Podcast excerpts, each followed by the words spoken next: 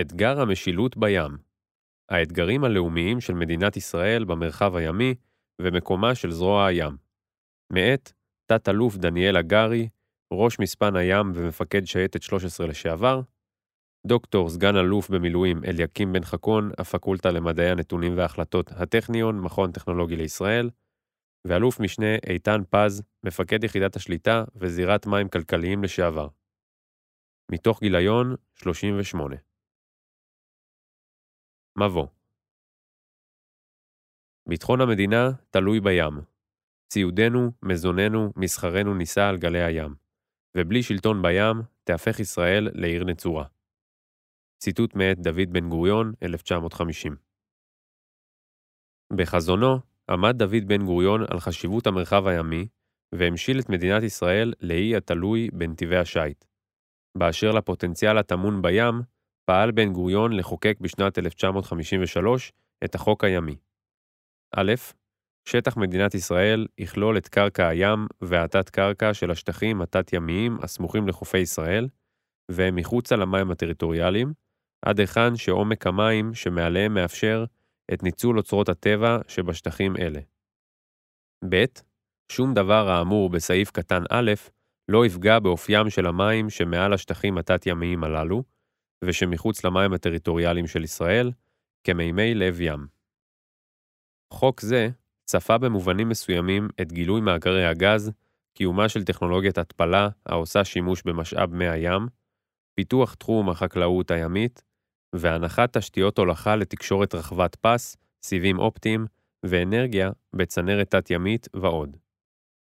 במאמר בגיליון זה, שעסק בזרוע הים כמעצב מערכתי ואופרטור ימי, עמדנו על ההשתנות הנדרשת לזרוע הים למיצוי הפוטנציאל הביטחוני במרחב הימי במעגל הקרוב והרחוק. מאמר זה הוא מאמר משלים העומד על האתגרים הלאומיים של ישראל במרחב הימי. מאמר זה טוען כי לאור התמורות הרבות במרחב הימי, נדרש להתאים את תפיסת ההפעלה במרחב, לצד התאמת החקיקה והתקנות, יחד עם גיבוש מענה מבצעי בשילוב כלל השחקנים המדינתיים אשר נוגעים במרחב הימי, אל מול התפתחות איומי ייחוס המייצרים אתגר משילות במרחב הימי במדינת ישראל. במאמר נזכור את התמורות הרבות ועירוב השימושים והתפתחות האתגר הביטחוני במרחב הימי בעשורים האחרונים. בחלקו השני של המאמר נזכור את עיקרי איומי הייחוס העולים מעירוב השימושים, פעילות התחבורה הימית במרחב הימי של ישראל כעוגן שימוש, הממשק והקונפליקט הקיים שבין צורכי הביטחון, תרחישי ייחוס, לבין הבטחת קיום פעילותו של משק כלכלי בר קיימא, ובחלקו השלישי התייחס המאמר לפעולות אותן מובילה זרוע הים, אם במתן מענה טכנולוגי ואם בעבודת מטה, לתיקון חקיקה ותקנות במרחב הימי.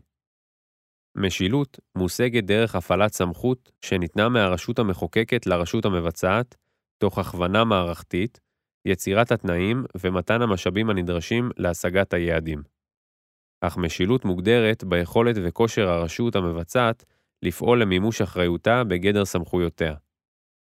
בשנת 2013, המדינה הנחתה את זרוע הים להגן על תגליות הגז, ולצורך כך הופנו המשאבים הנדרשים. זרוע הים הרחיבה את המטה המבצעי, בדגש על יחידת השליטה שלה, אל מול זירת המים הכלכליים, ובנתה כוח שיוכל לעמוד במשימה. ביולי 2022 עמד צה"ל, ובפרט זרוע הים, באתגר ההגנה על אסדת כריש מפני כטב"מים. כוחות צה"ל ערוכים למענה הגנתי על המתקנים האסטרטגיים. ברם, האתגר במרחב הימי של מדינת ישראל רחב יותר ומחייב עיצוב מערכתי אסטרטגי של המדינה. למשל, במרחב האווירי הבינלאומי חל שינוי עולמי ביום שלאחר אסון התאומים בתפיסת האיום מכלי טיס. השינוי החל מחקיקה, המשיך בהעמקה בדרך אופן הפעולה במרחב ובמרחבי הטיסה, בניטור כלי הטיס במרחב, ועד חיבור מובנה בין המערכת האזרחית לביטחונית ותיאום בינלאומי. במרחב הימי האתגר שונה. הניטור והאכיפה נדרשים לא רק מול מי שמגיע לנמלי מדינת ישראל, אלא למרחב הימי עצמו. ספינה, בשונה ממטוס, לא חייבת בסיס נמל על מנת לשוט או לפעול בים הפתוח.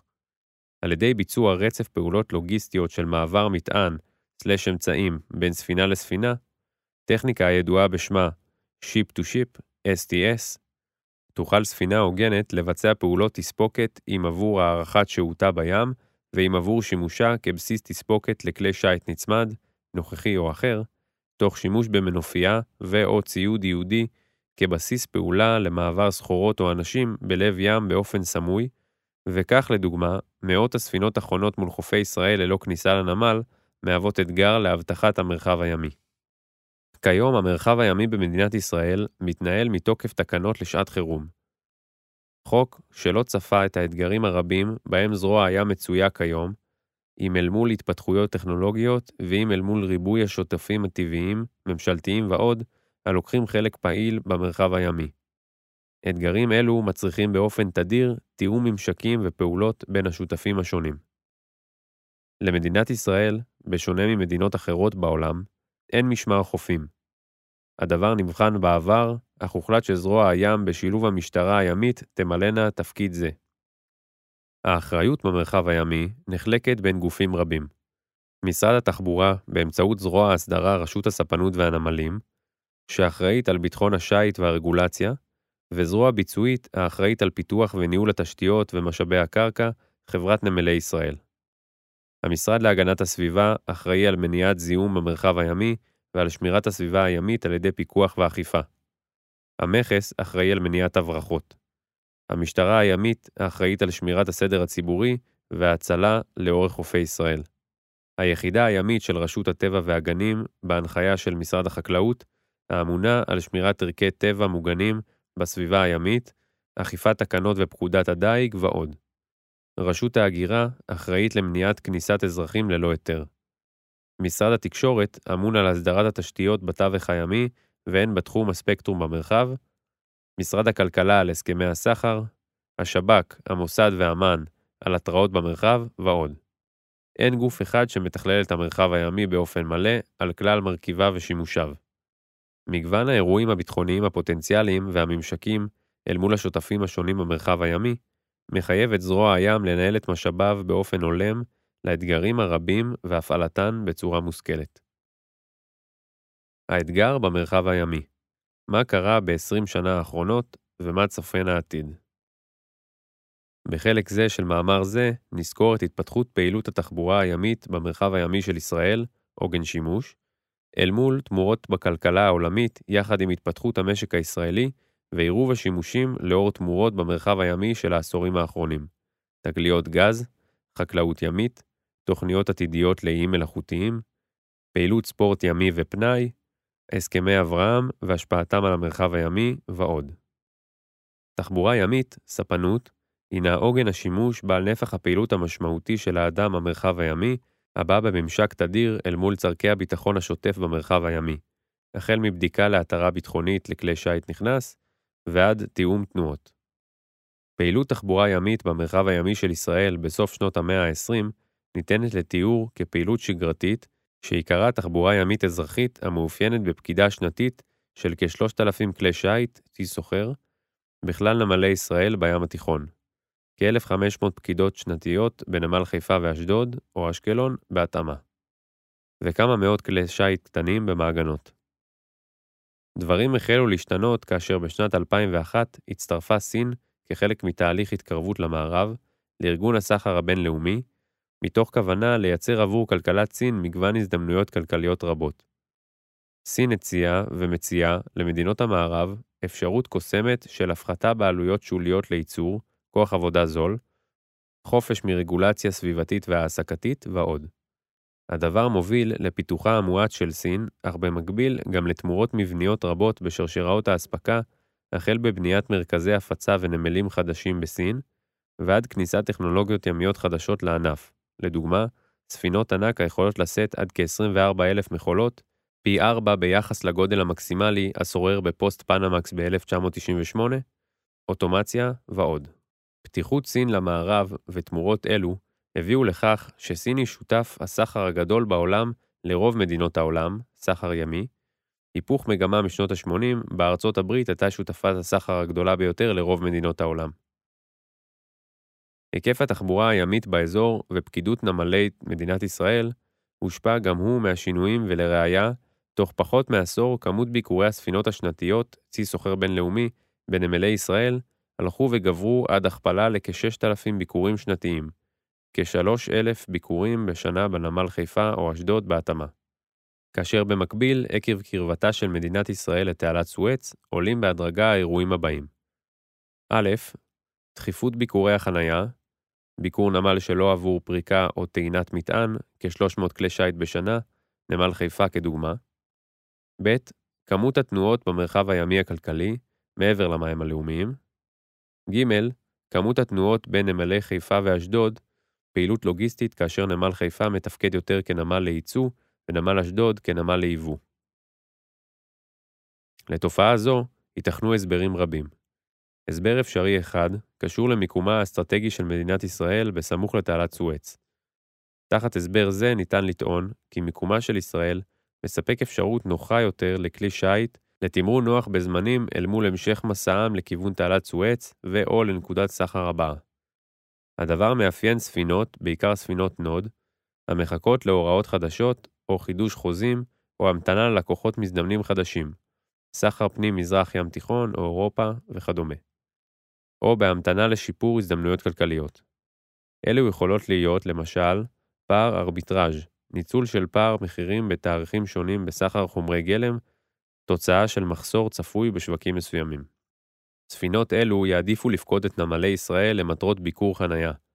מתוך הבנה כי המתנה באזור נמלי ישראל מזוהה עם תשלום נמוך, אם בכלל, עד 2018 לא התבצעה גבייה, יחד עם זמינות גבוהה לשירותי נמל, שירותים נלווים כגון אספקה, החזקה, העלאה או הורדה של אנשי צוות וכדומה, המתרחשים במדינה המערבית על כל היתרונות הגלומים שבכך, ולכן יעדיפו שימוש בשטחי נמלי ישראל כנקודת קפיצה.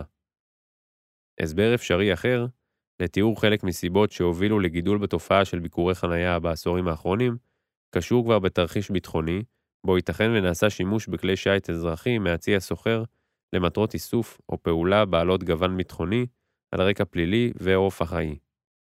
תרחיש שנמצא שריר ויש עדויות לקיומו בעבר בזירות ימיות אחרות בעולם.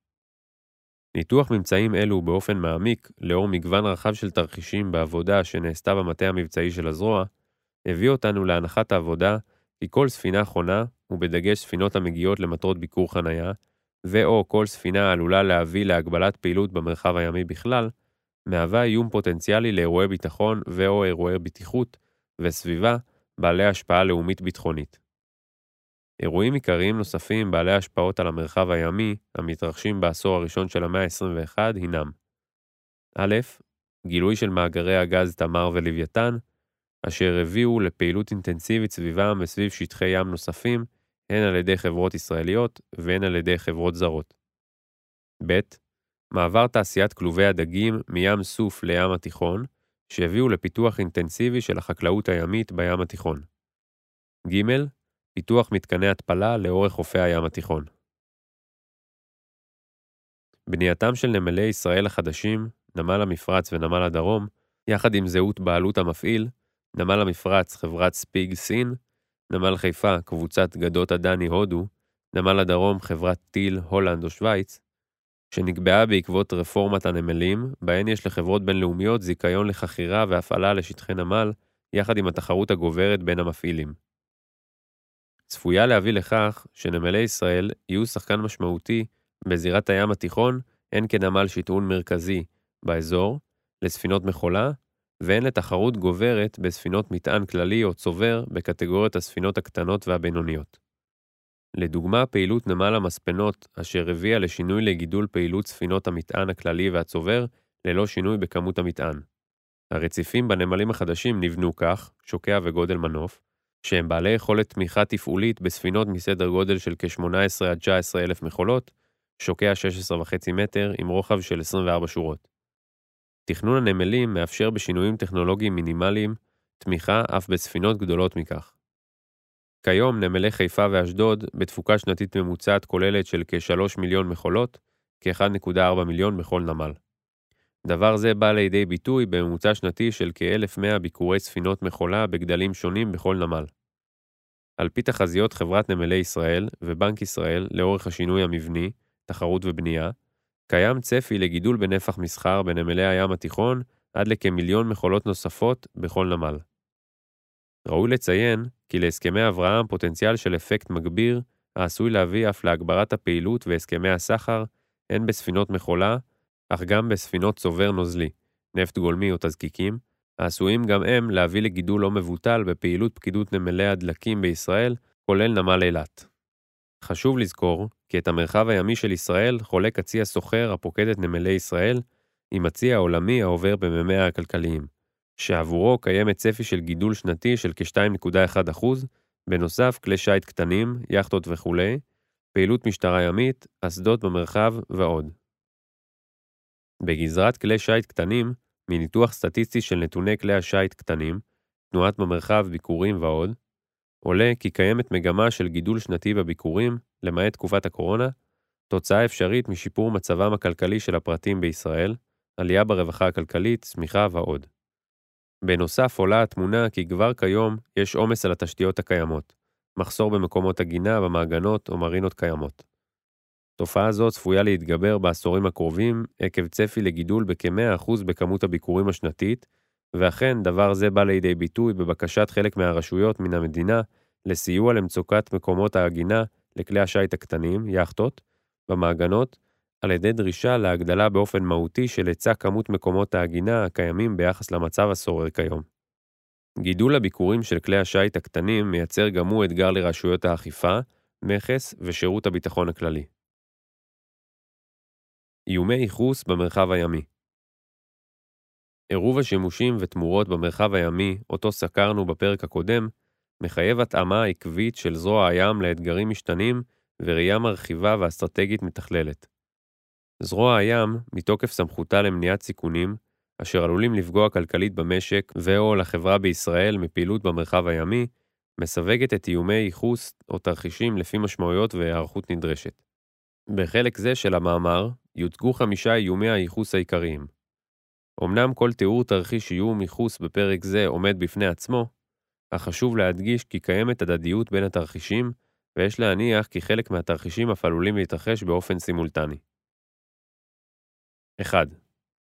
פגיעה בחופש השיט לישראל איום זה כולל אירועי טרור ימי בשגרה, החל מהברחת אמל"ח או סוכנים ועד הפעלת חימוש משוטט או כלי טיס בלתי מאוישים, כטמ"מים, בהפעלה כלהק או כבודדים אל מול מטרות נבחרות ועוד, ועד לשמירת הרציפות התפקודית למדינת ישראל במלחמה. איום זה הוא ליבת הייעוד של זרוע הים מיום הקמתה. במאמר זה לא נרחיב על המענה המבצעי, אך נדגיש כי לתרחיש זה השלכות חריגות על הפעילות המשקית ואף ייתכנו השלכות דיפלומטיות ועוד. 2. פגיעה במתקנים החיוניים בים, אסדות הגז, איום מרכזי שהרחבנו עליו במאמר בגיליון זה. 3. תרחיש חבלה בתווך התת-ימי במרחב הימי בישראל ובעולם, בתווך תת-ימי, קיימות תשתיות לאומיות קריטיות, כגון קווי אנרגיה, גז או חשמל, קווי תקשורת, מים ועוד. מהנעשה בזירות ימיות אחרות בעולם, ניתן לראות כי גם תשתיות אלו מהוות מטרה לגיטימית בעיני יריבים או אויבים, כחלק ממטרות במלחמה. לחבלה מכוונת בתשתיות אלו, אשר מכונה לוחמת קרקעית הים, Seabed Warfare, ייתכנו השלכות דיפלומטיות, השלכות סביבתיות ואף השלכות בטיחותיות אסטרטגיות, העלולות לפגוע ביכולות המשק אם במתן מענה הולם לאתגרים הקיימים, והן בפגיעה ביכולת המשק להשתקם בזמן סביר. לדוגמה, מקרה הפגיעה בתשתית התקשורת, סיב אופטי בסביבה הימית, צפון נורבגיה, החוג הארקטי, ינואר 22, מקרה הפגיעה בתשתית צנרת הגז הרוסי נורדסטרים, החוצה את הים הבלטי, ספטמבר 22, ומקרה הפגיעה בתשתית תקשורת סיב אופטי בסביבה הימית, דרום צרפת, ים התיכון, אוקטובר 22. 4.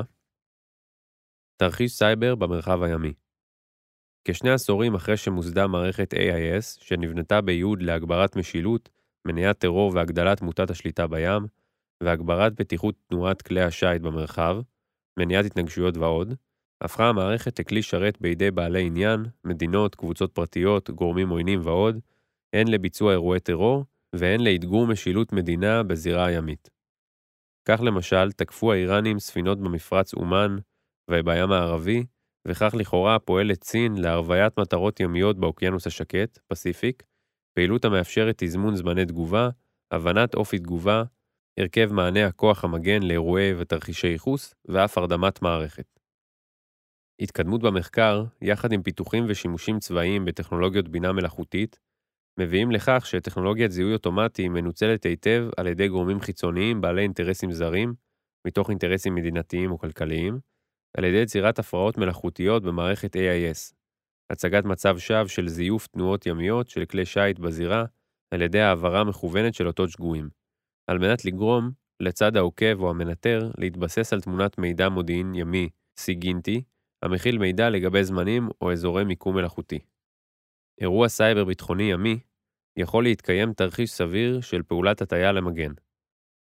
התרחיש נשען על הנחת עבודה כי הצד המגן אוחז באזורים מסוימים רק על ידי טכנולוגיה סיגינטית, אותות אלקטרונים, וללא יכולת בצפייה. הנחת התרחיש היא שהצד הטורף ממקד מאמצים ליצירת מצג שווא הגורם לצד המגן למיקוד מאמץ באזור מסוים ולהיווצרות נקודה אפורה מבחינת איסוף מל"מ, אשר בתורה יכולה להתרגם בפוטנציאל בפגיעה בתשתיות לאומיות אשר להם ייתכנו זמני תגובה קצרים למניעה. לדוגמה, בעת קרבת כלי זר לא מורשה באזורים רגישים ביטחונית או לאומית, כדלקמן אסדות, מקשרים ימיים, מוצא פתח נמלים, תחנות התפלה ועוד. סיכונים אפשריים נוספים בתווך האלקטרוני, שימוש בטכנולוגיה או ספינות צי סוחר למטרות ריגול, פסיבי או אקטיבי, כגון איסוף מודיעין אלקטרוני, אותות ותקשורת, אלינט וסיגינט, תדרי מקם ורדיו, תדרי ים ואוויר, ותצפיות מקם, מקלטי רדיו וסונאר פסיבי, ועוד, וכך לאפשר לצד תוקף לשאוב מידע, להיערך ולבצע פגיעה. למשל, ניצול פרצות קיימות בממשקים קיימים במערכות בתווך האזרחי, ו/או בתווך שבין יחסי הגומלין אזרחי-צבאי, תוך ביטול חסמי התנהגות או התנהלות מקובלים של הסקטור האזרחי. נדרש ניסוח מחודש של ביטוי מדיניות היתוך צבאי-אזרחי, בה חלקים מן המגזר האזרחי לוקחים חלק פעיל אם ברמת פעילות ואם בשימוש טכנולוגיה לקידום מטרות שונות במאמץ הביטחוני של המשלח.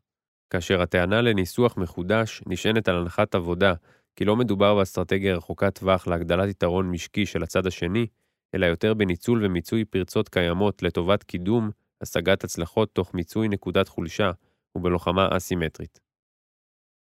5. תרחיש אירוע סביבתי ימי בעל השפעות על מתקנים אסטרטגיים. בתחילת פברואר 21 התרחש אירוע זיהום ימי, כתם שמן, באזור המים הכלכליים וחופיה של ישראל. בניסיון לאתר את מקור כלי השיט, נקטו הרשויות בישראל שילוב של כמה מתודולוגיות. איסוף וניתוח דגימה של כתם השמן, דבר שהעיד על נפט גולמי והביא לצמצום כלי שיט חשודים, שחזור לאחור של תנועות וניתוח אירועי AIS חשודים, כיבוי בנקודת זמן ומקום מסוים כסימן מחשיד, הצלבות מול תמונת לוויין. האירוע שהובא על ידי אחד ממשרדי הממשלה, הדגים מחד גיסא את הבעייתיות בהתנהלות בעיוורון מוחלט, תוך גישוש והסתמכות על ניתוחים לא מבוססים, ומאידך גיסא הדגיש את הבעייתיות בחוסר ניטור ובקרה במרחב הימי הכלכלי של ישראל. התבססות משק המים של מדינת ישראל יחד עם ריכוז פעילות מתקני התפלה בים התיכון, הביא להבנה אצל דרג מקבלי החלטות כי קיימת חשיבות ורגישות רבה למתקנים אסטרטגיים לאירועים סביבתיים המתרחשים בזירה הימית. התפשטות כתם שמן, אשר עלולה להתרחש הן מאירועי חבלה, ספינה או אסדה והן מאירוע כשל בטיחות, תלויה בכיוון, עוצמת זרמים ורוח ואף טמפרטורת הים. ההבנה כי אירוע של כתם שמן משמעותי עלול להביא לפגיעה מתמשכת ברציפות פעילותם של מתקני התפלה ותחנות כוח סמוכות. כיוונים למענה אל מול האתגרים המתפתחים. ככלל, זרוע הים היא הגוף הדומיננטי והמשמעותי במרחב הימי, אך התפתחות האתגרים האזרחיים עם השלכות עד כדי איום ביטחוני מחייבים הערכות מחודשת. נדרשת התארגנות ברמה המדינתית שתאגד את כלל המשרדים ושחקנים במרחב הימי. רשויות, התארגנויות כאלה קיימות במדינות מערביות או באסיה. לדוגמה, סינגפור אשר בה המרחב הימי עמוס מאוד ומהווה מקור הכנסה משמעותי עקב מיקומה הייחודי של המדינה. טרם התארגנות מדינתית, נכון לפעול במספר כיוונים אשר יהוו תשתית עתידית ושיפור מיידי למצב הקיים. בסדר הדברים, פעולה ראשונה היא הובלת חקיקה מחודשת למרחב הימי, שמצוי עדיין תחת תקנות לשעת חירום, תש"ח. תכלית החקיקה היא לסדר מחדש את התעבורה במרחב הימי, בדגש לנתיבים ואזורי חצייה, ולהתאים מחדש את האחריות והסמכות בין כלל הגופים ואופן העברת המידע והנתונים ביניהם. אל מול איום קווי התקשורת התת-ימיים, נדרש לאפיין את המענה, הניטור והמשאבים הנדרשים למימוש. באשר לאירועי זיהום, או לחלופין אירועי בטיחות, לדוגמה שרפה של כלי שיט, נדרש להבין את אופן הניטור והטיפול המתקיים בעולם. בהמשך הדברים, תידרש המדינה לקבוע את המענה והמוכנות הנדרשת לאירועי קצה או תרחישי ייחוס בסוגיות של אירועים נוספים, אשר להם ייתכנו השפעות אסטרטגיות על המשק, והם בעלי היבט בטיחות וסביבה. לדוגמה, א', אירוע שרפה באוניית גלנוע המובילה רכבים חשמליים בעת שהייתה במנגש בנמל, וההיערכות הקיימת של מערך כבאות והצלה, כדוגמה לאירועי קצה לתרחיש בטיחות. ב. דלף שמן, תוצאה של התבקעות גוף ספינה בעת שהייתה במרחב הימי של ישראל, בסמוך למתקני התפלה או אנרגיה או נמל, כדוגמה לאירוע קצה לתרחיש סביבה. אלה אינם יכולות קיימות כיום למענה, וזרוע הים ערוכה לאירועים ביטחוניים, כך שנדרשת התארגנות מדינתית מתכללת המתאימה מחדש את האחריות והסמכות בין כלל הגופים ואופן העברת המידע והנתונים ביניהם. ניתוח מקורות ספרות יחד עם הממצאים שעלו מניתוח תנועות במרחב הימי בשתי העשורים האחרונים, מראה כי קיימים קווי דמיון רבים בתחומי תחבורה אחרים דומים, וניתן ללמוד מהנעשה בגזרתם.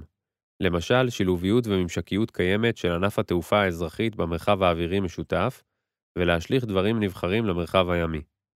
כחלק מלקחי אסון התאומים במרחב האוויר על השליטה והניטור של כלי הטיס, נעשה שינוי תפיסתי עולמי לצד פעולות מדינתיות להגדרת המרחב האווירי והאופן שבו עוקבים אחרי כלי טיס, סיווגם והמענה למניעת איום. אסון התאומים הביא להתייחסות למרחב הימי, ובניסיון לתת מענה לאתגר, וכחלק מדרישות הביטחון והבטיחות הגוברת, אמנת Safety of Life at Sea. הוקמה ועדה במסגרת פעילות ארגון הימאות הבינלאומי, בחינת מתן מענה הן לסוגיות בטיחות, הן לסוגיות משילות וביטחון בסביבה הימית, יכולת לזיהוי ימית עורב ועוד. בחר ארגון הימאות הבינלאומי בפיתוח מערכת AIS, Automatic Identification System. מערכת זיהוי אוטומטי לניטור ומעקב התנהגות תנועות כלי שיט במרחב הימי הגיאוגרפי. כל כלי שיט המחזיק במערכת AIS משדר באופן שוטף עוד זיהוי ייחודי, מיקום נוכחי, כיוון שיות ומהירות. תרחישים 1 5 שנזכרו לעיל מחייבים את זרוע הים לשליטה והבנת כוונות וניטור תנועה של כל כלי שיט בודד במרחב הימי. התבססות על מערכות זיהוי אוטומטיות אזרחיות, כדוגמת AIS, או כל מערכת שחורה הטוענת לניטור שאינו מבוסס התכה של שכבות מידע רבות, כגון מכ"ם, לוויין ועוד, כמענה אינו מספק, ויחידות בצה"ל ובפרט זרוע הים עדים לאירועי שיבוש והטיה בממד הסייבר, אל מול מערכות AIS, הן ברמה המקומית והן ברמה העולמית. בימים אלה, מטייבת זרוע הים את יכולות הניטור והאחיזה בזירה הימית. הדבר נעשה תוך שילוב יכולות העושות שימוש משולב בטכניקות איסוף, פענוח וניתוח מסדי נתוני ענק, big data, התכה של שכבות מידע שונות, יחד עם פיתוח שפת מכונה בתחום בינה מלאכותית, Artificial Intelligence, המאפשרת חיזוי ומידול התנהגויות וסיווג איומים צפויים, בהיבט תרחישי ייחוס שונים, הן בהיבט ניתוח תנועות ימית של כלי שיט במרחב, והן בהיבט ניתוח פרופיל כלי שיט המבקר בזירה. ההזדמנויות שבאתגר המשילות במרחב הימי. במאמר זה עמדנו על התמורות והתפתחות המשק במרחב הימי של ישראל בעשורים האחרונים, ומה צופן העתיד להיקף הביקוש לעירוב שימושים במרחב זה, הממשק והקונפליקט הקיים שבין צורכי הביטחון אל מול תרחישי ייחוס, לבין הבטחת קיום פעילותו של משק כלכלי בר קיימא. המאמר סקר מגוון של תרחישי איומי ייחוס והאתגרים הלאומיים העולים מהם, אשר להם היתכנות בפגיעה בחיי אדם או ערכי טבע, השלכות דיפלומטיות ו/או השלכות חריגות על הפעילות המשקית.